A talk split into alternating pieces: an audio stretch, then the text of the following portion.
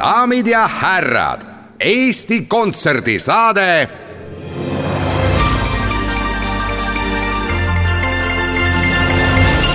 aplaus.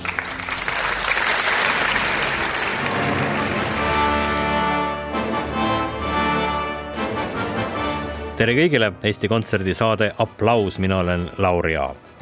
nüüd uuel ja harjumatul päeval, kolmapäeval, aga räägime ikka Eesti Kontserdi lähematest ja kaugematest plaanidest ning täna võib-olla isegi rohkem kui tavaliselt sellest, mis kultuurivaldkonnas laiemalt toimub. Külalisteks on Eesti Kontserdi juht Kertu Orro ja kommunikatsioonijuht Andri Maimets, kes aktiivsed osalised Eesti, julgeks öelda sellises mitteformaalses grupeeringus, kuhu kuuluvad circa kaheksateist kultuurijuhti, kes esindavad suurt enamust teatri, kino, kunsti ja muusikaga seotud asutustest ja organisatsioonidest,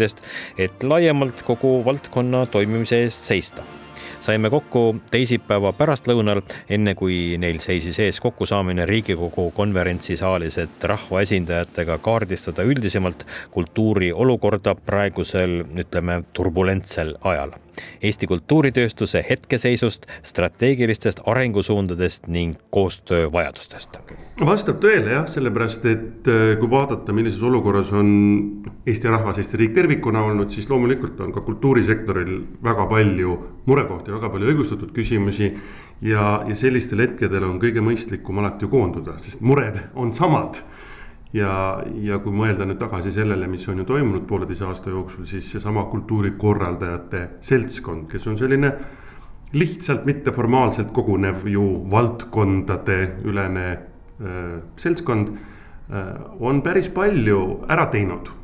olnud abiks ja partneriks kultuuriministeeriumile, aidanud kaasa majandusministeeriumil töötada välja Covid passide kasutus ja nii edasi, nii edasi, et noh, neid näiteid on palju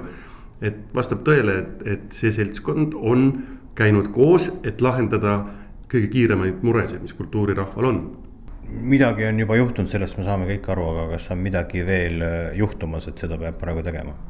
no juhtumas on nii palju, et kultuurikorraldajad kutsuvad äh, riigikogulasi äh, arutlema kultuurisektori rolli üle majanduse elavdajana ehk et äh, me kõik anname ju endale aru, et äh, kultuurisektor ja loomemajanduse valdkond tervikuna tegelikult omab märkimisväärselt suuremat rolli Eesti majanduses, kui võib-olla me seda endale teadvustame. sektor annab tööd ligikaudu kolmekümnele tuhandele inimesele ja koosneb kümnest tuhandest keskmise või väikese suurusega ettevõttest ja panustab igal aastal ligikaudu viis protsenti Eesti SKP-st, et äh, täiesti märkimisväärsed numbrid. ja kui me täna nende küsimustega ei tegele, et äh, kuidas seda sektorit äh, vältida hääbumisest, sellepärast et õigel hetkel ei ole vaja, vastu võetud võib-olla vajalikke otsuseid, siis me neid vilju maitseme ju mitme aasta pärast ja need viljad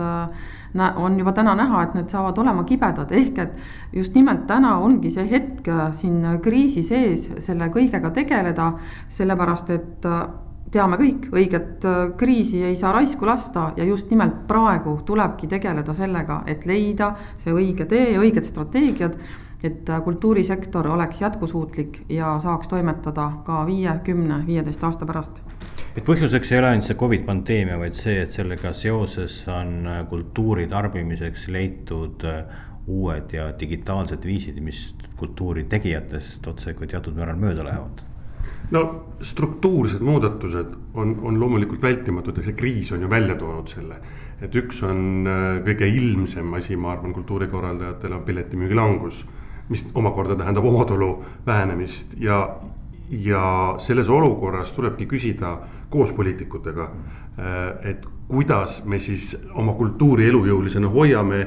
teades seda, et tõepoolest inimesed käituvad teisiti äh, ja, ja võib-olla tarbivad, ma ei tea, digitaalplatvormidel mingisugust kultuuri alavoogu, siin on näiteid väga palju Eesti filmitegijatest, eks ju, et. Et kohe, kui, kui pandeemia saabus, läksid väga paljud filmitegijad üle äh, VOD platvormidele või siis kohe nii-öelda kino jäeti vahele ja ega kino pole taastunud siiamaani, mis tähendab seda, et võib-olla tulevikus see kino siis polegi enam koht. et, et see on see, ma arvan, kõige suurem küsimus, kuidas ühiselt äh, välja mõelda, mis on siis. ütleme nii, et kriisi ei saa kõiges süüdistada, vaid kriis tõi välja selle, et me oleme muutumas ja kuidas siis muutuvas olukorras äh, ka kultuuri, need, mis on nii-öelda ka meie põhiseaduslikud kohustused, edasi teha kas see on siis suures plaanis oht kultuurile või kultuurisektoris töötavale kolmekümne tuhandele kultuuriloojale, kes võivad suures osas oma sissetulekut kaotada? Eks ta on mõlemat, aga et mitte pelgalt minna ohtusid kaardistama ja välja tooma, läheme me ju Riigikogu konverentsisaali kultuuriseminari pidama just nimelt eesmärgiga, et arutada et, et kuidas käivitada ühiskondlikku diskussiooni kultuurivaldkonna positiivse mõjude üle teistele sektoritele. sealhulgas haridus, turism, majandus, rahvusvahelised suhted, no, no kõik väga olulised valdkonnad, mis ühe riigi toimimisel on ühel hetkel ikkagi täiesti võtmetähtsusega no lihtsustatult öeldes on asju, asi ju selline, et tuli koroona, istusime kõik kodus, vaatasime Youtube'ist filme, kuulasime Spotify'st mussi. ja nüüd, kui me saaksime nagu päriselt minna kontserdile või teatrisse, väga nagu ei viitsi, kuidas nüüd valitsus saaks aidata? vot siin ongi ju küsimus selles, et selleks, et see muss Spotify'sse saaks, peaks olema selle looja ehk autor. aga kuidas see autor kasvab? et kui me nii-öelda selle lõppotsa anname käest ära, et jah noored kuulavadki Spotify's, mitte ainult noored, kõik lähevadki pigem Spotify'sse või kuulavad raadioülekandeid. siis tegelikult jääb see teine pool, kust tulevad siis need autorid, kust tulevad loojad, see on kultuuriharidus, see on siis nii-öelda kultuuriloome enne seda, kui me sinna digiplatvormidele jõuame, et need küsimused tuleb ära lahendada, et, et siis me võime rääkida sellest tõepoolest, et võib-olla ei olegi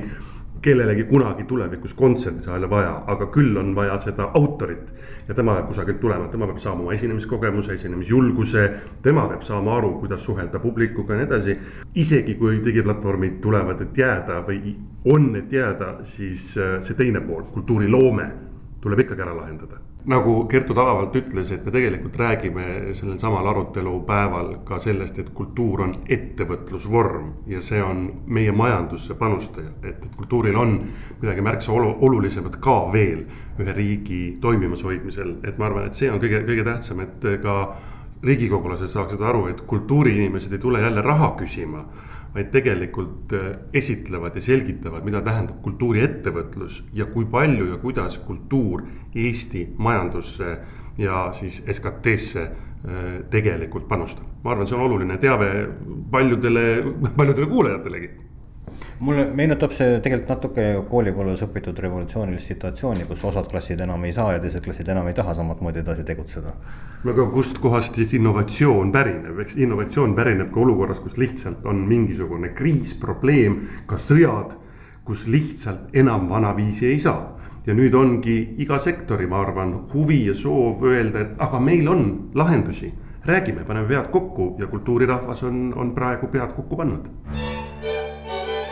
kontserdid muidugi toimuvad ka, juba teisipäevast on mööda Eestit ringi sõitmas grupeering nimega Zinne Tango, päris autentne Argentiina tangoansambel, mis toredamgi veel on mehitatud meie oma pandooniumi mängijaga Kaspar Uljasega, kes paralleelselt Eestis ja Belgias viimasel ajal musitseerib. kavas on neil nii vanema tango traditsiooni paremaid näiteid kui ka tango nuevo ja uudis-uudis, ka tantsijad on laval Jessica Šerbakova ja Somer Surgit, kes said mingil hetkel esinejate sotsiaalmeedia kaudu sellest kontserdist teada ja pakkusid ennast ise ka osalisteks ja ma usun, et sellest on kõigil teistel lavalolijatel kindlasti palju rõõmu kurvem on see, et kaks kontserti on juba ajalooks saanud, teisipäeval Pärnu kontserdimajas ja kolmapäeval Vanemuise kontserdimajas, aga te kõik olete oodatud neljapäeval Estonia kontserdisaali ja reedel Jõhvi kontserdimajja. El Tango Argentino on kontserdi pealkiri ja Zinne Tango on laval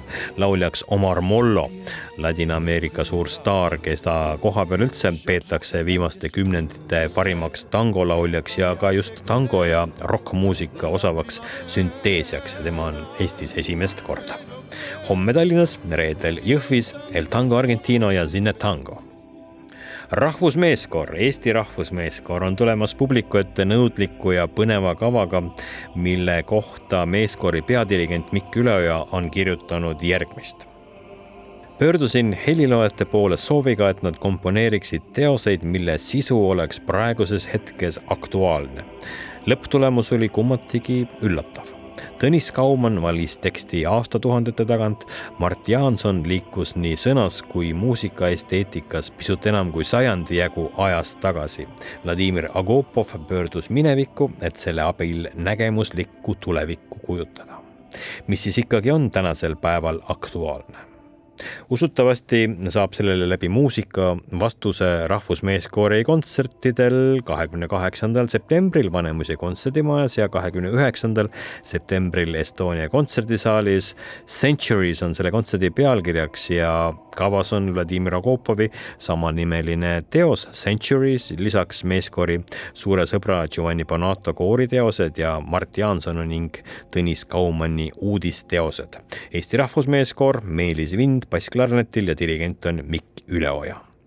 Giovanni Bonatot esitab meeskoor ühe teosena ka Eesti Kontserdi juubelikontsertidel, aga seal moodustab see suurest kontserdist muidugi tillukese osa. Eesti Kontsert kaheksakümmend, suur juubeligala. osalisteks Eesti Rahvusmeeskoor, Hortus Musicus, suur oratooriumikoor, Eesti Riiklik Sümfooniaorkester, dirigendid on Risto Joost, Andres Mustonen ja Mikk Üleoja ja kavas on Lemba esimene sümfoonia, Giovanni Bonato Vana vale, Arvo Pärdi Credo, Giega Helesa ja suur suur Eesti muusika tähtteoste ajalooline audiovisuaalne kollaaž Eesti Kontsert kaheksakümmend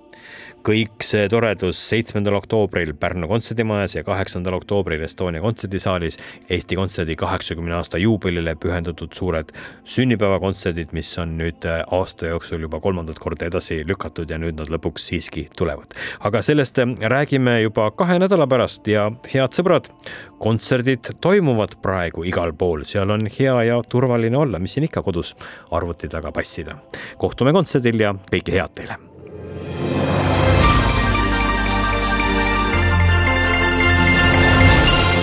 aplaus